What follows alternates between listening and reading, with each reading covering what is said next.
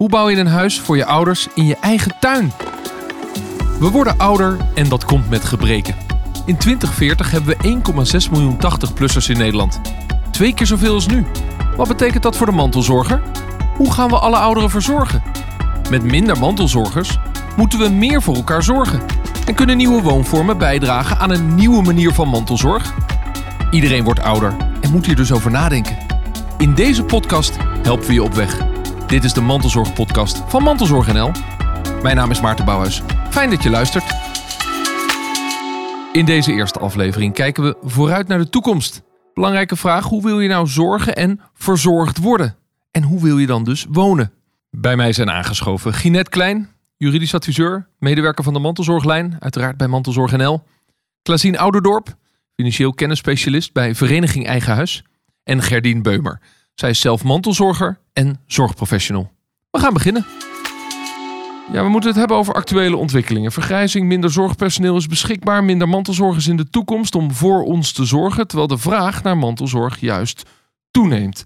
Uh, Ginette, jij werkt bij Mantelzorg NL. Uh, mm Klopt dat inderdaad? Wordt de druk op de mantelzorgers alleen maar groter en groter de afgelopen jaren? Nou, die indruk heb ik wel, ja. ja. Je ziet gewoon natuurlijk dat, dat de mogelijkheden om zorg te krijgen vanuit betaalde zorg, hè, professionele zorg noemen we dat ook wel, ja, dat dat toch wel onder druk staat. Hè? Uh, nou ja, uh, hoor het journaal maar. Uh, veel thuiszorginstanties hebben gewoon te weinig personeel. Betekent dat ook dat er steeds meer mantelzorgers in Nederland komen? Er is meer mantelzorg nodig, in ieder geval.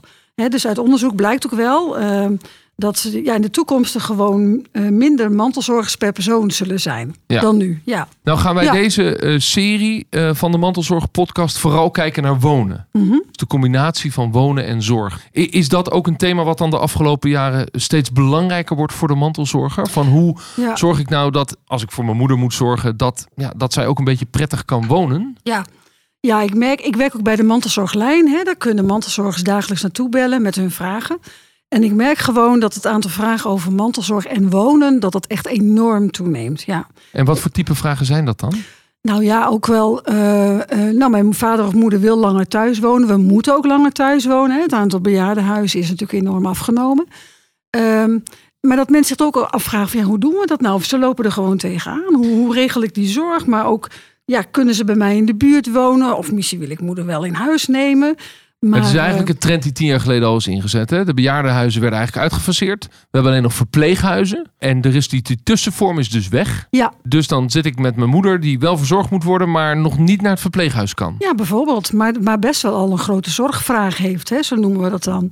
Dus ja, als kind zit je dan toch soms met je handen in het haar. Je moet het ook combineren met je ja. werk bijvoorbeeld. Maar daarvoor is het toch ook thuiszorg? Of moet ik zelf ja, de dat... steunkousen van mijn moeder optrekken om het cliché maar weer eens erbij ja, te pakken? Ja, nee, ja. Er is gewoon niet altijd voldoende thuiszorg. Soms kunnen ze alleen maar s'avonds komen en niet s ochtends. Wat doe je dan?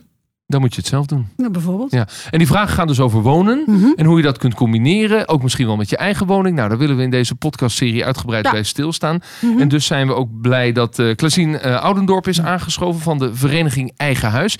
Je houdt je ook bezig met nou ja, nadenken over nieuwe woonvormen. Zeker in combinatie met mantelzorg.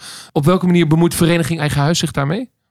Uh, ja, wij hebben 800.000 leden. En een groot deel van die leden uh, zijn van seniorenleeftijd. En wat wij merken is dat mensen ons steeds vaker gaan benaderen met vragen. Net als wat Jeanette uh, net aangaf. Uh, dat is niet van de laatste tien jaar, maar dat is echt van de laatste twee, drie jaar dat mensen zeggen: wij willen samen met kinderen gaan wonen. En hoe pakken wij dat nu aan? kopen we samen een nieuw huis? Gaan we naar, bij een van ons beiden intrekken? Hoe krijgen we de financiering rond? Daar is het eigenlijk een beetje mee begonnen.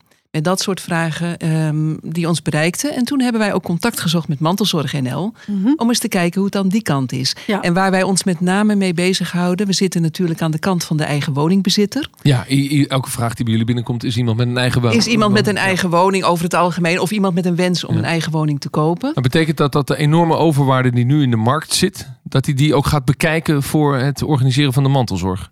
Nou ja, daar raak je wel een mooi onderwerp aan. Want inderdaad, mensen hebben overwaarde. En mensen hebben steeds meer overwaarde, omdat de woningwaardes gaan stijgen. Mensen hebben hun hypotheek vaak ook grotendeels afgelost.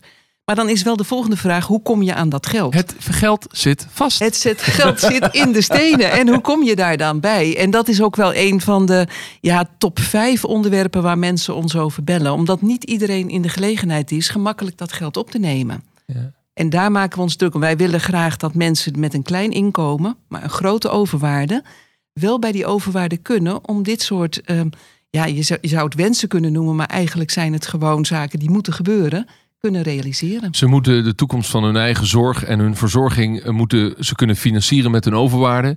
Eh, in de hoop dat de markt niet instort, want dan is het geld weg. Het zijn lastige vraagstukken. En wat je ook ziet is dat banken, eh, geldverstrekkers, nog niet zo ingespeeld zijn op dat samenwonen bijvoorbeeld. Oh Want ja. hoe gaat dat nu als je met twee stellen een hypotheek vraagt? Krijg je dat dan rond of zegt een geldverstrekker, huh? Als je met twee stellen een hypotheek vraagt, bijvoorbeeld de kinderen en de ouders. Precies. De bank gaat dan heel raar kijken en denkt: dit kennen we niet. Dat komt voor. Banken zijn best terughoudend. Dat kan best beter, vinden wij. Maar dat, dat zie je wel gebeuren in de Ja, praktijk. nou ja, gelukkig zijn er steeds minder banken die hypotheken verstrekken en meer eh, alternatieve financieringsvormen die vaak wat creatiever zijn. Nou, die- dit vraagt ook wel wat maatwerk. En Hmm. eh, het vraagt ook maatwerk op, eh, op allerlei vlakken, waar we volgens mij ook nog uitgebreid op, komen, op terugkomen Ja. eh, in Nee, maar het is goed dat de luisteraar de tafel een beetje leren kennen. Het, Ja. het perspectief waarmee jij hier aan tafel zit om vanuit Vereniging Eigen Huis en vanuit die eigen huizenbezitter te praten over woonzorgvormen eh, die de komende jaren steeds ehm, ja, eigenlijk meer opportun, steeds logischer worden om de mantelzorg te organiseren.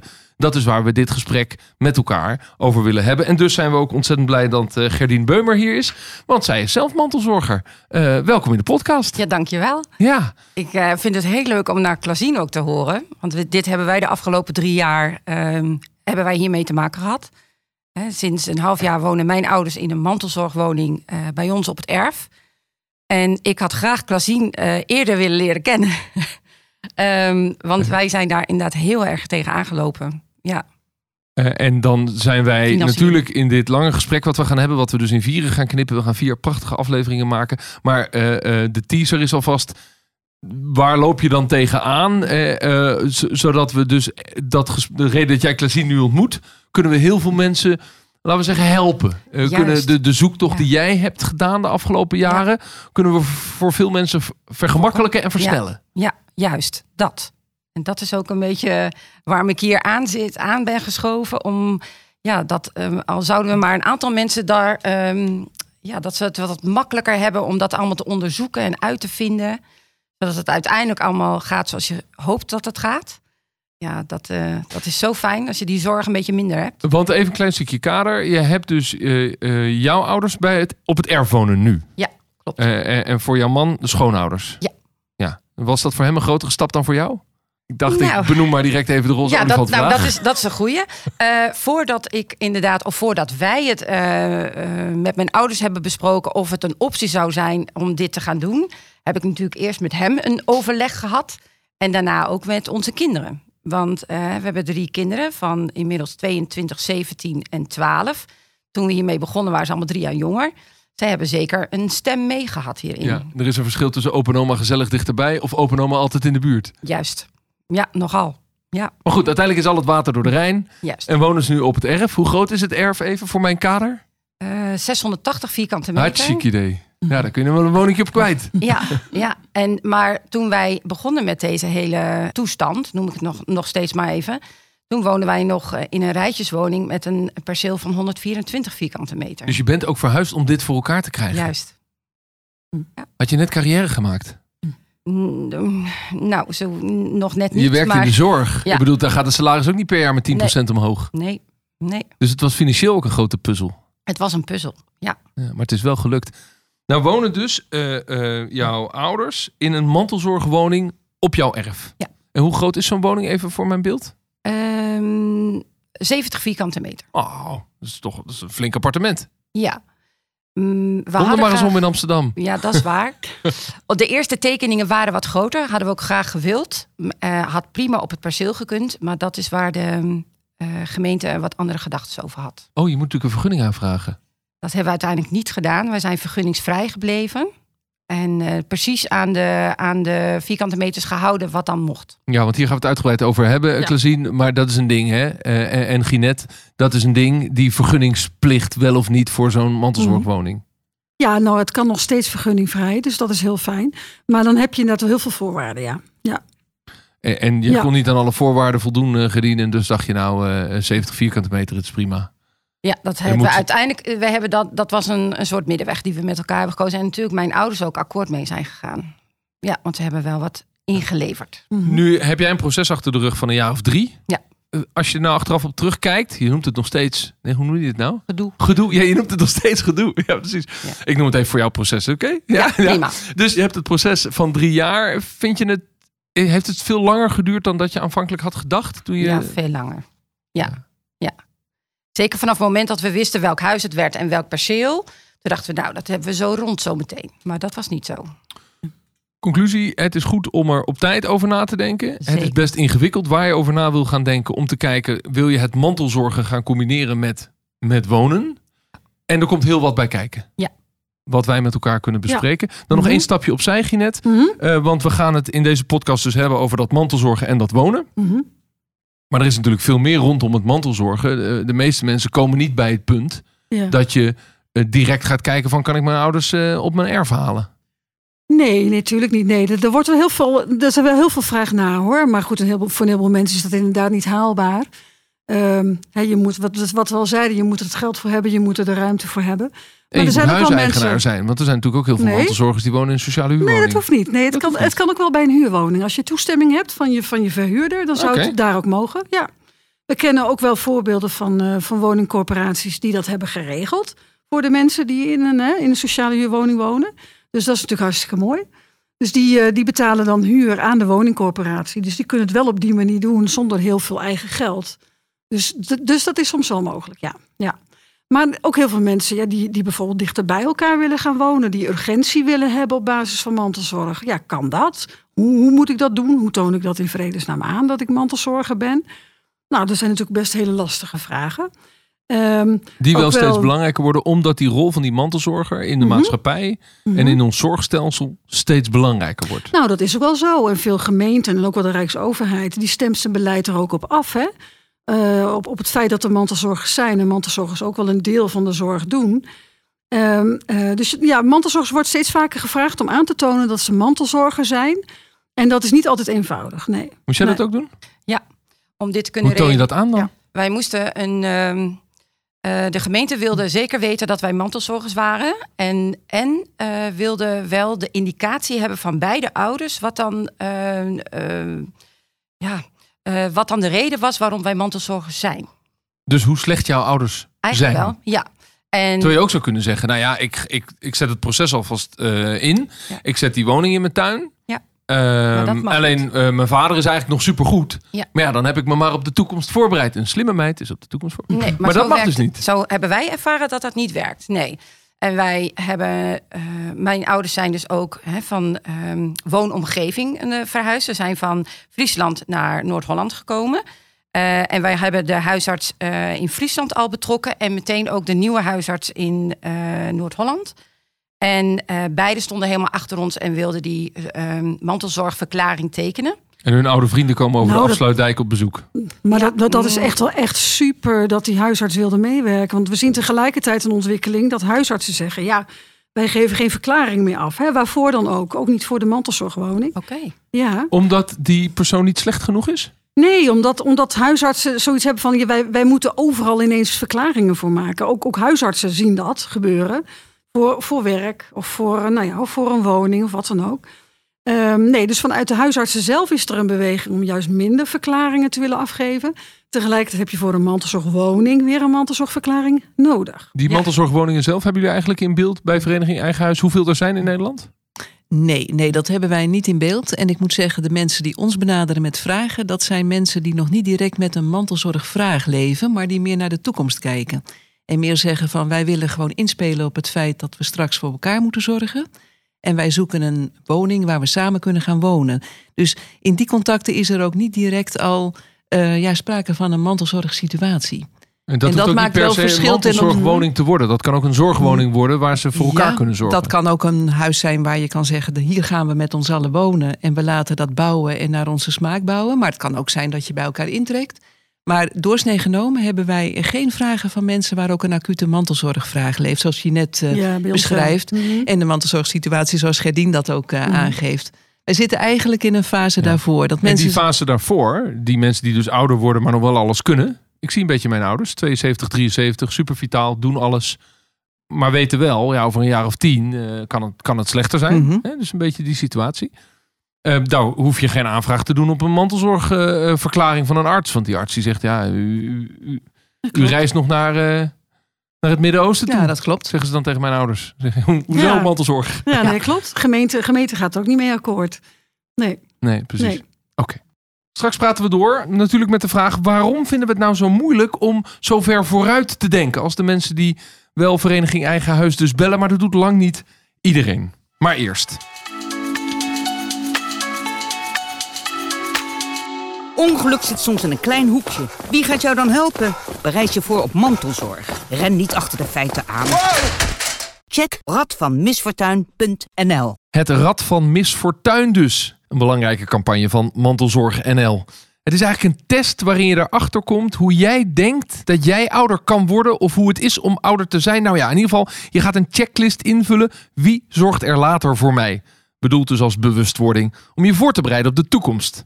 Als jij je ook wil voorbereiden, kijk dan even op radvanmisfortuin.nl. Ja, we praten door over de vraag waarom het nou zo moeilijk is om zo ver vooruit te denken en om nu al bezig te zijn met dat ouder worden. Uh, Gerdien, hoe ging dat eigenlijk bij jouw ouders? Kwamen die met een vraag bij jou of zei je op een gegeven moment tegen ze: zullen we eens gaan nadenken over de toekomst? Nee, dat, dat eh, zit er ergens tussenin. Ehm, bij ons was er een crisissituatie doordat mijn moeder een CVA, een herseninfarct kreeg. En eh, waardoor de, het kaartenhuis eigenlijk instortte. En het niet meer ging zoals ze bedacht hadden dat het zou gaan. Want ze woonden eh, in een appartement, prachtige plek in, in Friesland. Met wel de bedoeling, dat is onze laatste plek. En toch, hè, dan hadden ze dat allemaal al goed bedacht. Ze hadden hun andere huis al verkocht, waar ze veel trappen moesten lopen.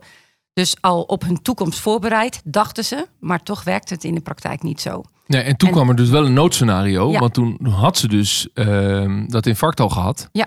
Maar had je nog drie jaar nodig om dit proces voor elkaar te krijgen? Juist. Het gedoe.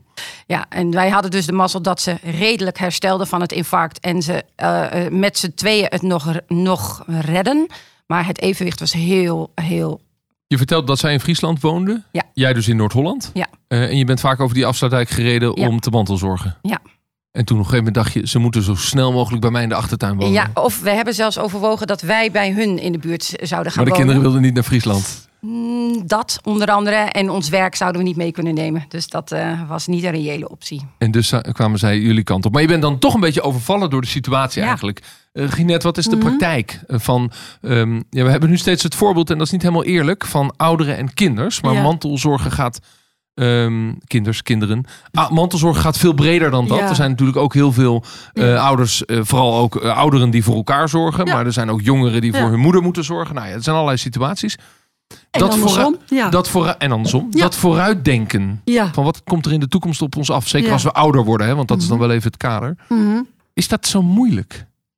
Ja, ik merk dat wel. Ik, ik merk dat de meeste mensen pas bellen op het moment dat het aan de orde is. Maar echt, En zijn echt het dan de ouderen die bellen of de potentiële, potentiële mantelzorgers?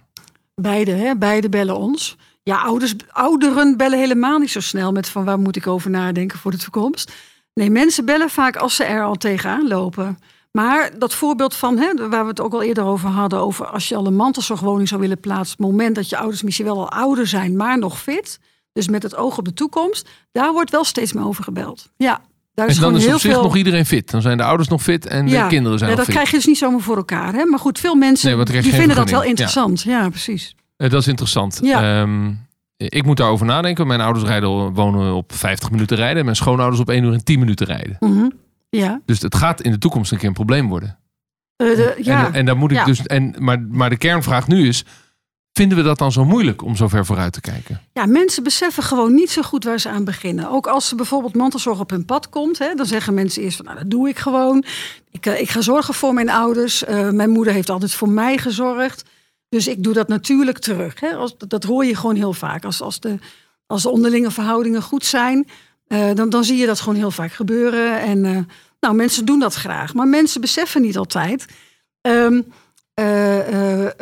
dat, dat, dat het van, van, van, van, van, van weinig naar heel veel gaat. Hè. Dus in het begin doe je misschien eens een keertje één keer per week kom je langs. En je, je zet een vuilnisbak buiten. En je helpt dus met, met wat financiën. Maar dat wordt gewoon steeds meer.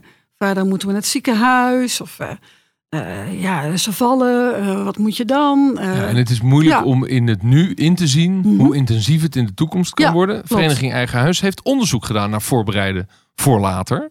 Wat komt er uit dat onderzoek? Ja, voor ons is langer zelfstandig wonen een heel belangrijk eh, thema. En wij willen ook onze leden graag helpen met eh, het voorbereiden op het moment eh, dat je toch wat meer zorg of een, een huisaanpassing nodig hebt. En wij hebben met een aantal van onze leden hierover gesproken. We hebben aan mensen gevraagd. Dat is een kwalitatief onderzoek. Het is een kwalitatief onderzoek. Het gaat om zo'n 15 uh, interviews. En wij hebben aan mensen gevraagd: wat is er nu voor nodig? Hoe de, ja, wat, wat zijn je angsten? Wat zijn je dromen als het gaat om je woontoekomst? En ben je er al mee bezig om je voor te bereiden of juist niet? En waarom doe je dat wel of waarom doe je dat niet? En dat hebben we dus aan zo'n 15 mensen gevraagd. Dat waren voornamelijk 60ers en 70ers. Daar zit een behoorlijke belevingswereld, een verschil in belevingswereld tussen, tussen die twee groepen, hebben we ontdekt. Ze hebben één ding gemeen. Ze zeggen wel allemaal deze mensen: ik wil absoluut zo lang als het kan zelfstandig blijven wonen. Maar daar houdt ook alle overeenkomst op. Want je ziet dat de meeste mensen wel zeggen van... Uh, ik weet wel dat ik iets moet doen... maar uh, ja, het echt doen, daar komen mensen dan niet aan toe. En zestigers zijn weer anders dan zeventigers uh, daarin. In deze podcast bel ik ook met Yvonne Witter. Yvonne is adviseur en initiatiefnemer van Zorgzaam Wonen. Nou, dat is een platform op het gebied van wonen, zorg en welzijn. Dag Yvonne. Hi. Zeg, ja, ik vind het fijn om eventjes met jou te bellen, want jij hebt ontzettend veel ervaring met alle woonzorginitiatieven in het land. Die bezoek je ook. Je probeert daar je in te verdiepen en te begrijpen wat er gebeurt. De vraag die ik hier ook aan tafel heb gesteld is: zijn mensen zich nou aan het voorbereiden op dat ouder worden, of vinden ze dat toch wel heel erg lastig? Het is erg lastig voor mensen om zich voor te bereiden op het ouder worden, omdat het ook heel moeilijk is in te schatten van hoe je leven eruit uh, ziet over een x aantal jaar. Um, je ziet wel dat mensen steeds vaker zich bewust zijn van het moet wel het nadenken over het ouder worden. De meesten schuiven het nog wel voor zich uit. Maar je ziet dat uh, de toekomstige senioren zich wel bewust zijn dat ze zelf aan zet zijn. Dus het gaat beter, maar het is een lastig vraagstuk. Het is wat abstract en ook niet altijd het leukste om over na te denken. Oh, er zit ook een beetje angst voor het ouder worden in. Mensen voelen zich heel jong. Nou ja, je, je schuift het natuurlijk wel een beetje voor je uit. Ja. Uh, nou, maar als we dan vooruit kijken tot slot, is dat dan iets uh, wat jij vooral ziet dat mensen het moeilijk vinden om na te denken over hoe ze zelf verzorgd zouden willen worden? Want dat is nog, je kunt nog vooruitdenken over hoe wil ik wonen. Maar de vraag is eigenlijk, hoe wil ik verzorgd worden? Wil ik een private nurse? En ga ik daarvoor sparen? ga ik daarvoor sparen? Of ga ik mijn kinderen aankijken? Of ja, kom ik ergens in een systeem terecht? Vinden mensen dat moeilijk om, om zo te denken? Ja, ik kan me daar wel iets bij voorstellen. Je weet, je weet niet uh, hoe het gaat lopen. Uh, ik bedoel, ik heb heel, la, laatst heel veel 100-plussers bezocht. Daarvan was een groot deel, uh, ja, misschien wat fysieke ongemakken, maar wonen nog lekker zelfstandig met een, een fijn netwerk, met goede activiteiten. Ja, zo kan het ook. En moet je dan al op je zestigste gaan verhuizen naar een levensloopbestendige woning um, naast, het, naast de zorg? Ja, dat is gewoon een lastig vraagstuk. Het is wel zo dat er ook op dit moment weinig alternatieven voorhanden zijn. Dus dan is het ook van, van misschien wil ik dan wel verhuizen, denk je als oudere, maar waar naartoe? Waar, is er een betaalbaar, aantrekkelijk alternatief? Of kan ik bleten, zitten, blijven waar ik zit? En uh, dat is misschien ook wel prettig. Dus het ja. is ook ontzettend lastig om je goed voor te bereiden op het ouder worden. Het is lastig om je goed voor te bereiden op het ouder worden. Nou, ja. uh, met uh, deze gedachtegangen en overdenkingen laat ik je weer los. Dankjewel Yvonne. Graag gedaan. Uh, conclusie, we vinden het best een beetje lastig om vooruit te kijken, maar we willen er wel een beetje mee flirten. En uit het onderzoek komt in ieder geval dat mensen het wel een beetje willen doen, maar dat ze daarna de stap niet zetten. Dus ze willen wel vooruitkijken, maar dan gebeurt er niet zoveel. Nee, je merkt echt dat mensen pas in de benen komen, om het zo te zeggen, op het moment dat er wat gebeurt. Nou, als je dus een TIA hebt gehad. Ja, op het moment dat je, dat je merkt uh, ja, dat, het, dat de krachten afnemen, ja. dat er een, een incident is, of je ziet het bij een ander. Dat maakt over het algemeen mensen bewust dat je wat moet gaan Nou doen. weten we in de eh. praktijk dat wat kan helpen is dat de, eh, de ehm, laten we zeggen, de mantelzorger en degene die verzorgd moet worden in de toekomst, dat als die daar een gesprek over zouden gaan voeren, dus met elkaar aan een podcasttafel gaan zitten eh, en een kop koffie of thee zoals wij hier hebben op tafel zetten. Ehm, maar vinden we dat lastig, Ginette, om zo'n gesprek te initiëren? Dat betekent dus dat ik komend weekend bij mijn schoonouders op bezoek ga. Ja, ik merk het zelf ook wel. Ik heb het wel eens geprobeerd bij mijn eigen ouders. Hè, en die wonen nog lekker in een eh, grote eengezins hoekenwoning met veel tuin. Oh, prachtig met oprit. Ja, Ja. autootje ervoor. Drenthe, ja, heerlijk. Ja. Lekker veel ruimte. En eh, eh, die zijn nu rond de 80. Dus ik vind het ook wel eens tijd worden. Ik ben enig kind. Ik zeg ook even van jongens, ik kan niet elke dag eh, vanuit Utrecht aankomen rijden Maar hoor. vinden we het moeilijk om dat gesprek te starten? Ja, Zonder NS1, merken jullie dat ook bij Mantelzorg NL? Dat dat een thema is waar, ja omdat, loopt? Omdat ik merk ook best wel vaak, moet ik zeggen, eh, geen onderzoek gedaan, maar dat merk ik aan de telefoon als mensen ons bellen, hè, ehm, dat, eh, dat, dat veel ouderen dit toch ook wel afhouden. Ik weet niet zo goed waarom. Daar heb ik Ouderen geen houden dat gesprek Ja, af. dat merk ik wel. Maar Ja. betekent, komt dat omdat de kinderen het bij de eerste gang van het kerstdiner beginnen... in plaats van zichzelf uitnodigen om het specifiek te, het daar eens over te gaan hebben? Ik weet het niet. Ik, denk zelf, ik vermoed zelf wel eens dat veel ouderen het misschien toch ook nog een beetje kop in het zand willen steken. Ja. Struisvogel. En struisvogelpolitiek, maar ook wel, dat merk ik ook, dat heel veel ouderen ook nog steeds denken dat onze verzorgingsstaat nog steeds zo hoog is, Mhm. dat op het Oh, moment dus dat het nodig niet is, te belasten, het komt wel goed. dat er dan wel voldoende zorg is. Dat merk ik ook. Gerdien, wat was bij jou de praktijk? Want je hebt al verteld, ja, je moeder Ja. kreeg eh, helaas een infarct. Gelukkig gaat het nu goed met haar, begrijp ik. Maar toen moest je toch dat gesprek aan. Ja. Was dat moeilijk?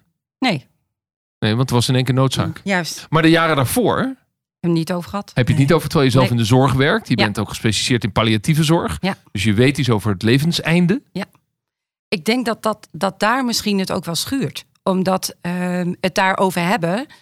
Misschien wel, eh, dan moet je het ook over ehm, achteruitgang van lijf en leden Ja. en over de dood hebben. En ik denk dat dat misschien het moeilijke stuk is. Nou, wat wij ook wel gemerkt hebben, is dat mensen met partners eh, het er samen ook niet over eens zijn hoe het verder moet. Dat was ook wel iets wat duidelijk uit ons onderzoek Ja. kwam. Dat mensen zeggen van ja, ik wil wel, maar mijn man of mijn vrouw wil niet. En ik wil wel die kant op, ik wil aan de kust wonen en ik wil juist in het bos wonen. Dat mensen toch wel ja, het, het samen niet eens zijn. En tot dat Is moment, het dat zin verlamt makkelijker ook. ouderen die alleen zijn, die misschien al, al, al 20, 30 jaar geleden gescheiden zijn en die hun hele leven nu de afgelopen 30 jaar alleen leven, dat dat makkelijker is om met de kinderen eruit te komen van ik haal papa wat dichter in de buurt of mama? Dat weet ik niet. Ik weet Nee. wel dat mensen die alleen zijn zich wat meer focussen op hun directe omgeving. Die kijken wat meer naar de buren, eh, de buurt, eh, de vertrouwdheid van de contacten die ze daar hebben. En mensen die samen zijn, zijn heel erg gericht op elkaar. En, maar tegelijkertijd zijn ze het er niet over eens hoe het verder moet. En dat, eh, ik denk dat dat ook wel een van de redenen is dat dat onderwerp eh, voor zich uitgeschoven wordt. Ja. Mag ik Ja. een gekke ervaring met jullie delen als eh, slechts host van deze podcast? Mhm. Eh, maar ik heb dus drie kinderen. Mhm. En in het gesprek of wij wel of niet eh, een derde kind wilden kunnen krijgen, eh, was een van de argumenten dat in het latere leven het uiteindelijk gezelliger leek met drie kinderen aan de kerstdis dan met twee.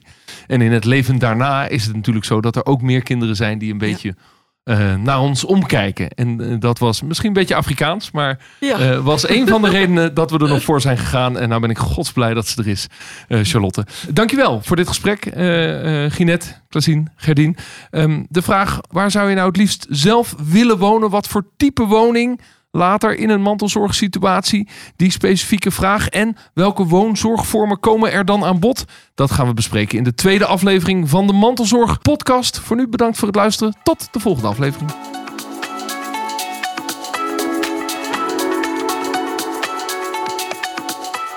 Dit was de Mantelzorg podcast van Mantelzorg NL. Vind je dit een leuke en nuttige podcast? Geef ons dan een podcastrecensie in jouw favoriete podcast app. Voor alle vragen over mantelzorg kun je natuurlijk terecht op mantelzorg.nl. Mijn naam is Maarten Bouwhuis. Bedankt voor het luisteren. Tot de volgende aflevering.